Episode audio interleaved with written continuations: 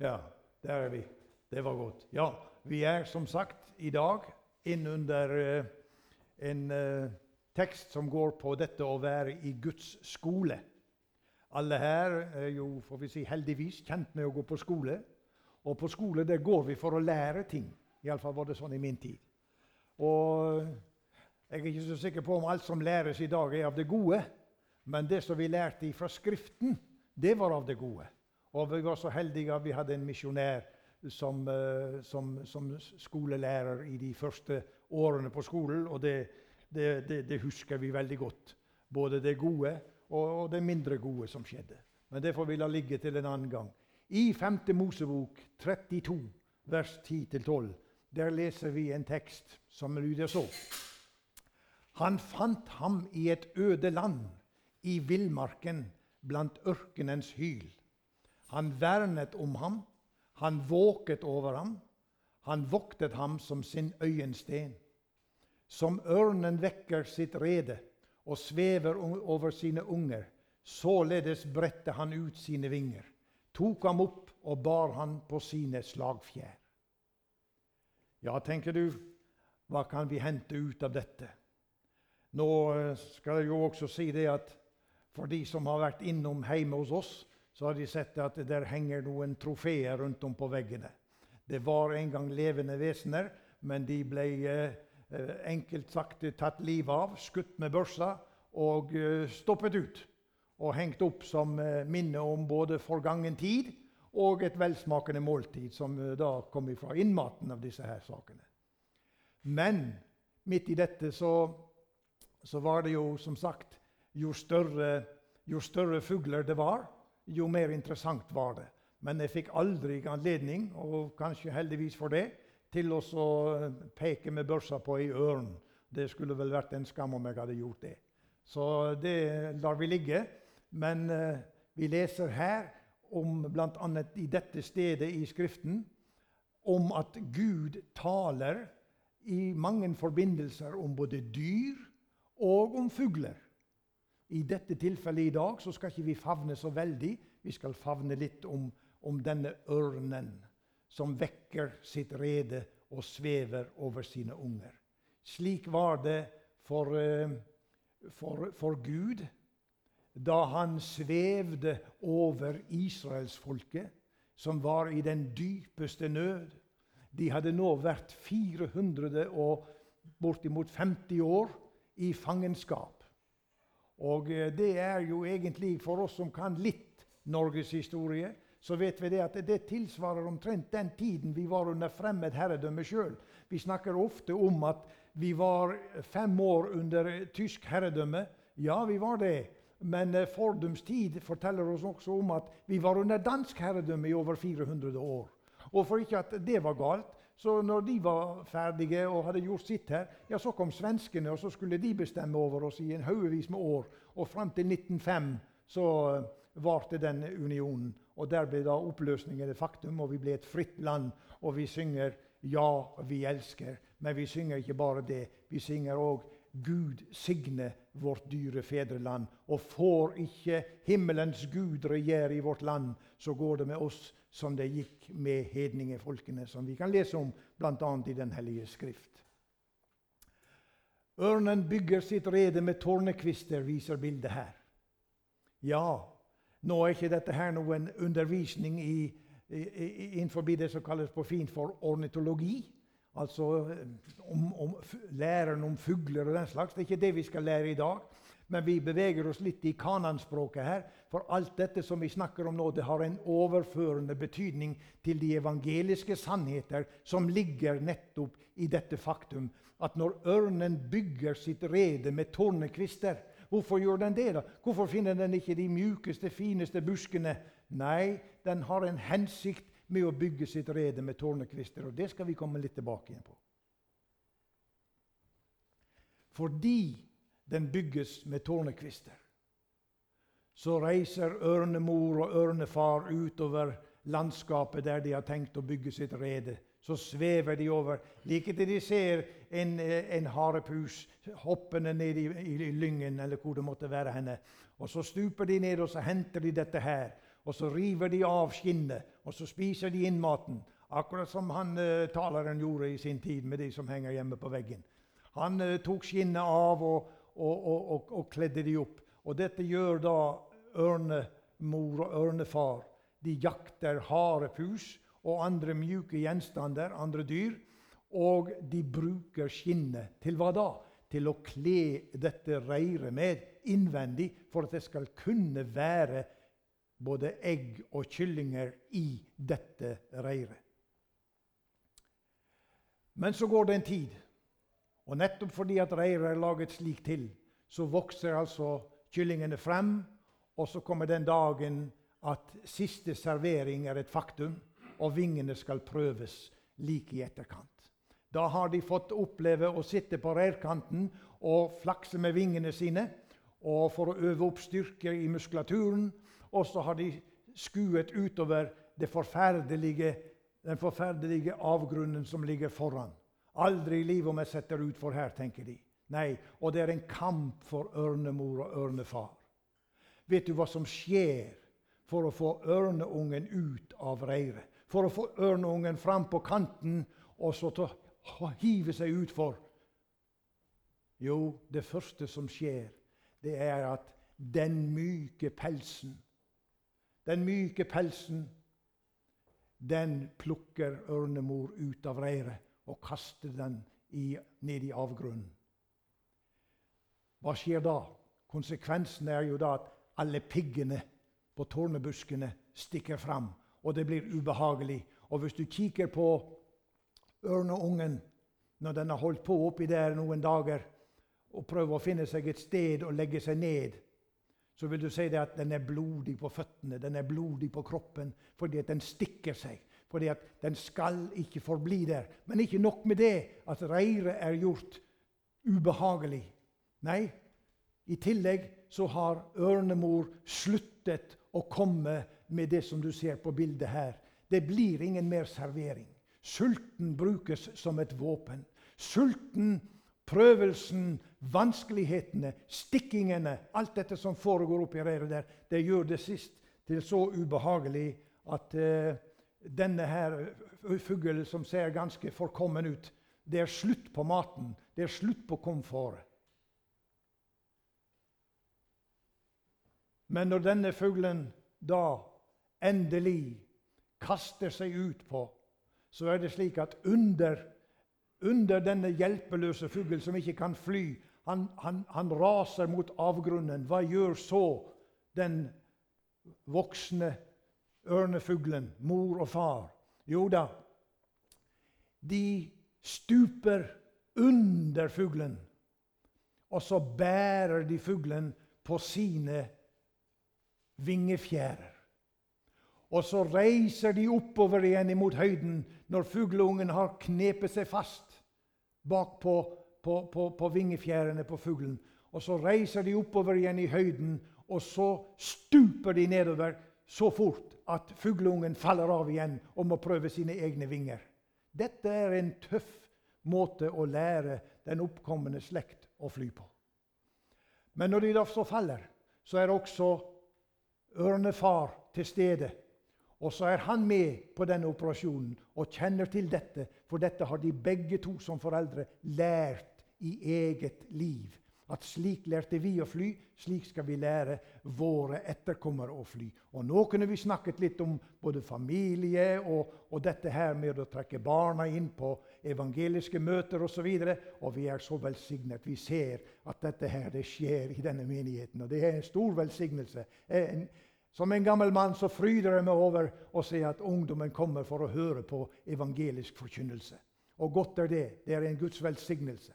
Og som jeg sier, dette med at ørnefar deltar Han stuper ned, og han ser hvor denne her, denne her fugleungen eh, raser imot avgrunnen. Og så dukker han under, og så tar han fugleungen på sine fjærer. Og så er det opp igjen i høyden, og så er det mor sin tur der nede når, når, når fugleungen da ramler av igjen og prøver å flakse med sine vinger. Og Sånn holder de på like til dess at fugleungen har fått luft under vingene og kan seile på de varme vinder som, som løfter fuglen. Nå sier du det får, det får være bra, dette her eh, om eh, opplæring og kunnskap rundt hvordan de har det i dyreriket. Men som ørneungene måtte hoppe fra reirkanten, slik måtte Israel reise fra Egypten når Guds time var kommet. For Gud, står det i 2. Mosebok 3,8, jeg har steget ned for å fri dem fra egypterne og føre dem opp fra dette landet til et godt og vidstrakt land, et land som flyter med melk og honning. Hvorfor sa og gjorde Gud dette ved sin tjener Moses? Vi som går her på menigheten, vi kjenner jo disse historiene. Vi vet om disse tingene. Og vi som ser dette bildet her, hvor Moses er der ute i ørkenlandskapet som gjeter og passer på sin, sin svigerfars eh, eh, dyr. Han eh, opplever denne tårnebusken som står i fyr og flamme. Og så er det dette her da at eh, Gud taler til Moses i denne sammenhengen. For Gud hadde en hensikt. Han ville ha sitt folk hjem til landet som han hadde lovet Israels barn. Allerede til Abraham sa han, 'Dra bort fra ditt land og din slekt og din fars hus' 'til det landet jeg vil vise deg.' Første Mosebok 12,1. Allerede der, tolv kapitler ut i fortellingen i Bibelen, den, på de første sidene der, så taler Gud om at 'jeg gir et land, og jeg gir det grenser'. 'Dette skal mitt utvalgte folk ha'. Og så var jo det var en, et, et, grunnlag for en, en, en, lengre tale, men det skal vi legge til en annen gang. Å få noen til å flytte, ja, det er en utfordring for mange.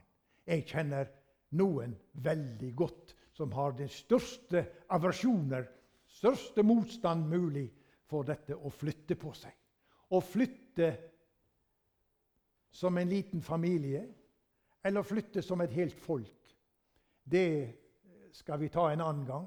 Men her snakker vi om Israel, og her er det et folk på ca. to millioner. Og hvorfor var dette så vanskelig? Hvorfor var det så vanskelig å flytte? Og Noen har stilt spørsmål til noen her. Ja, Jeg kjenner òg noen som sitter her i denne forsamling, som har flyttet opp til 18 ganger.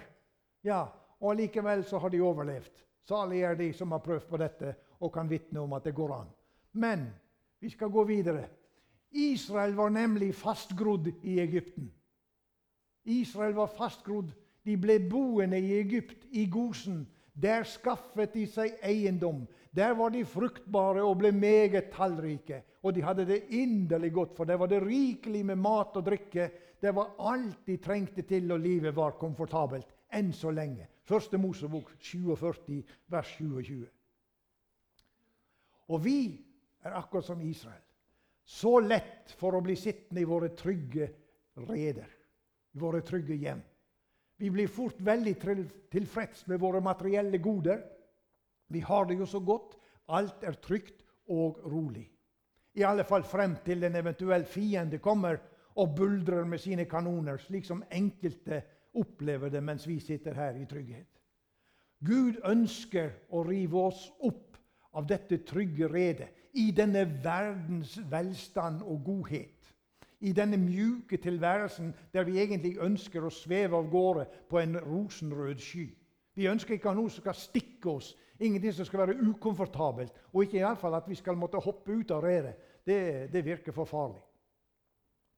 Gud elsker oss, og Gud vil fjerne oss ifra den komfortable tilværelse i denne verden til og dette er viktig til å sveve på nådens vinger til å sveve på de nådens luftstrømmer som kommer til den som sprer sine vinger.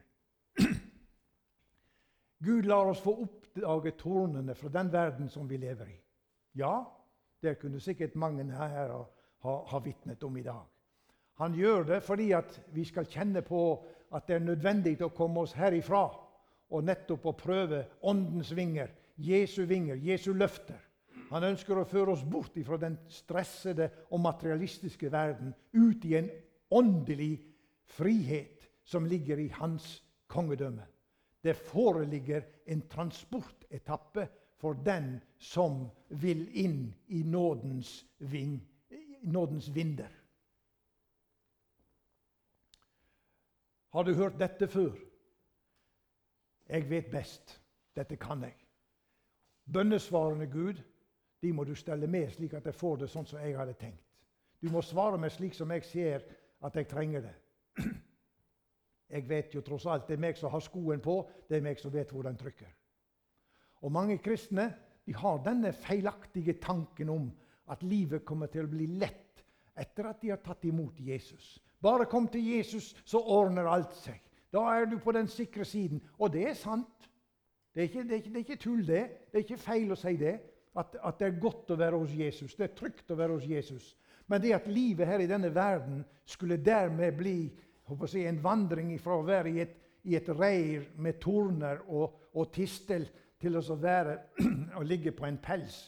Nei, sånn er ikke tilværelsen. Og jeg tror Hadde vi spurt her i dag, så hadde alle rakt opp armen og sagt at nei, det er nok mange utfordringer som kommer på.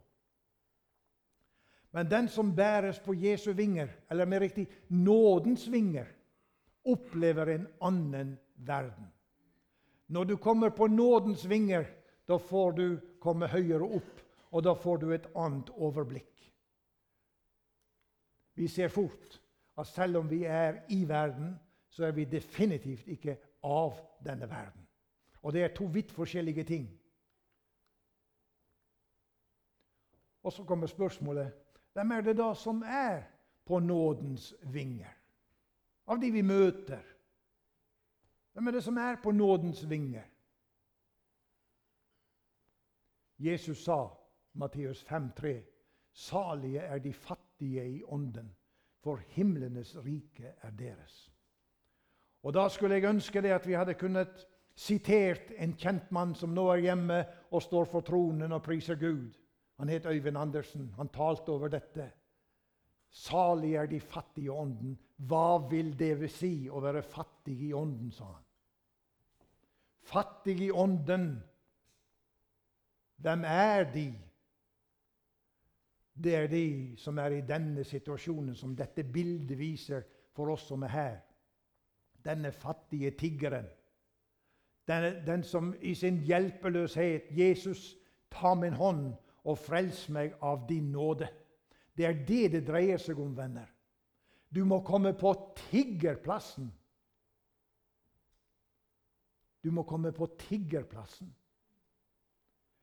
Du stiller ikke lenger krav til Gud.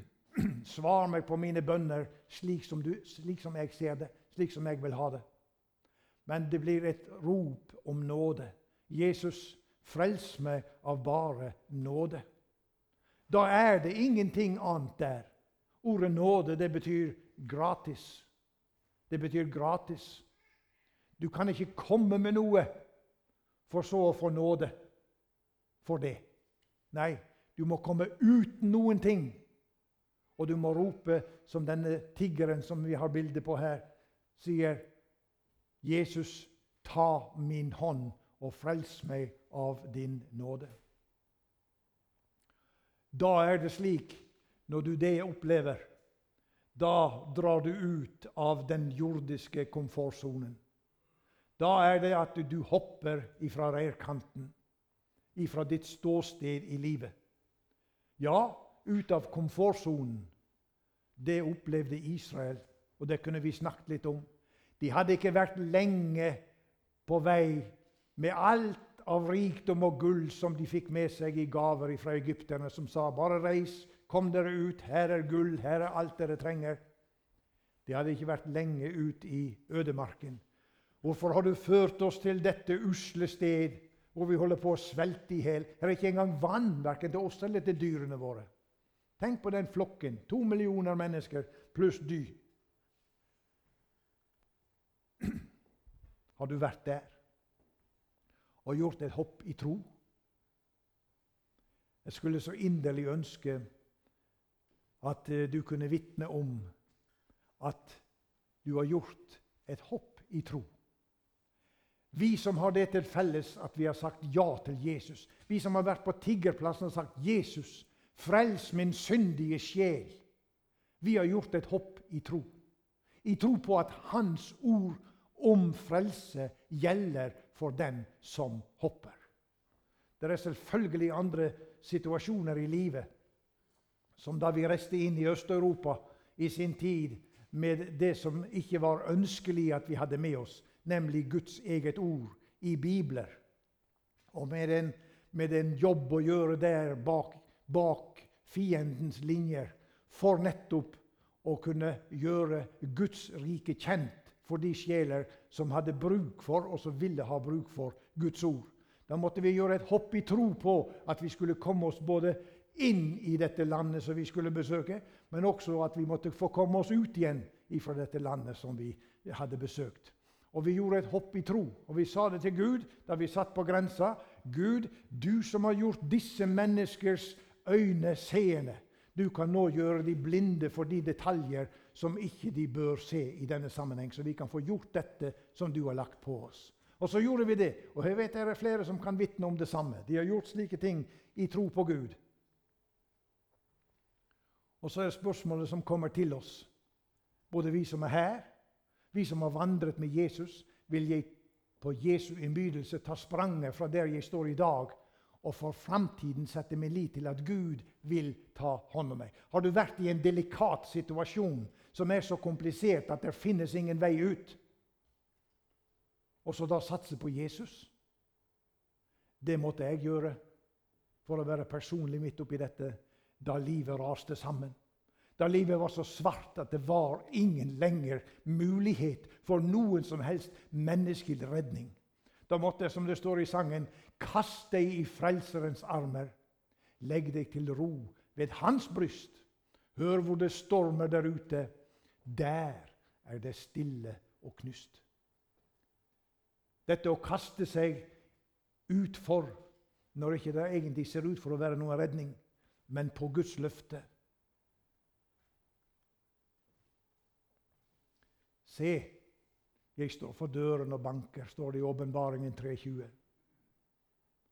Jesus ønsker å få komme inn og lage en plass der hvor han får overta kommandoen, slik at vi kan være på vingene i den tid som nå er. For hva er det vi ser nå?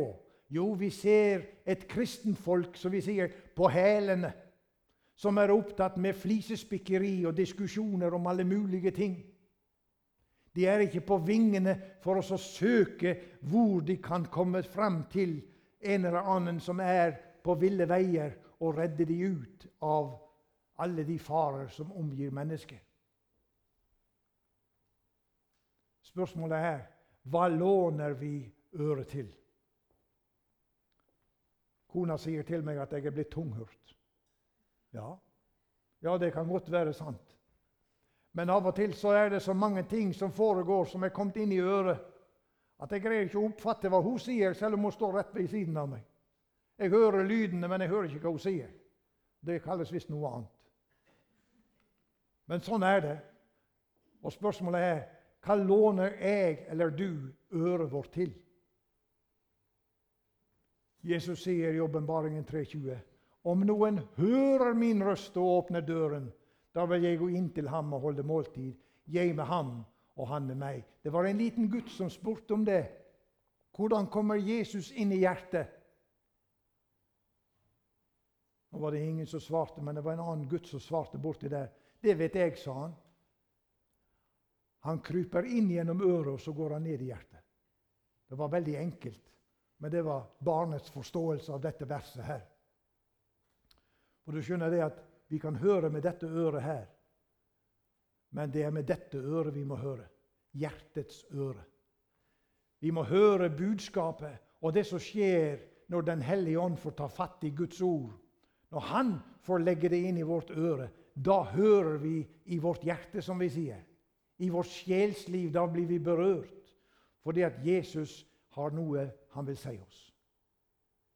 Og da får du oppleve dette. At hvis du løfter din røst i ditt hjerte og vil ta spranget til at Jesus skal lede deg resten av ditt liv. Når ikke det er lenger noen redning for din evighet enn Jesus, og du gjør som han her på bildet. Løfter dine hender, løfter din røst, løfter ditt hjertes røst om du vil. Da blir du med når løftene oppfylles. Når skyen brister og Jesus er her.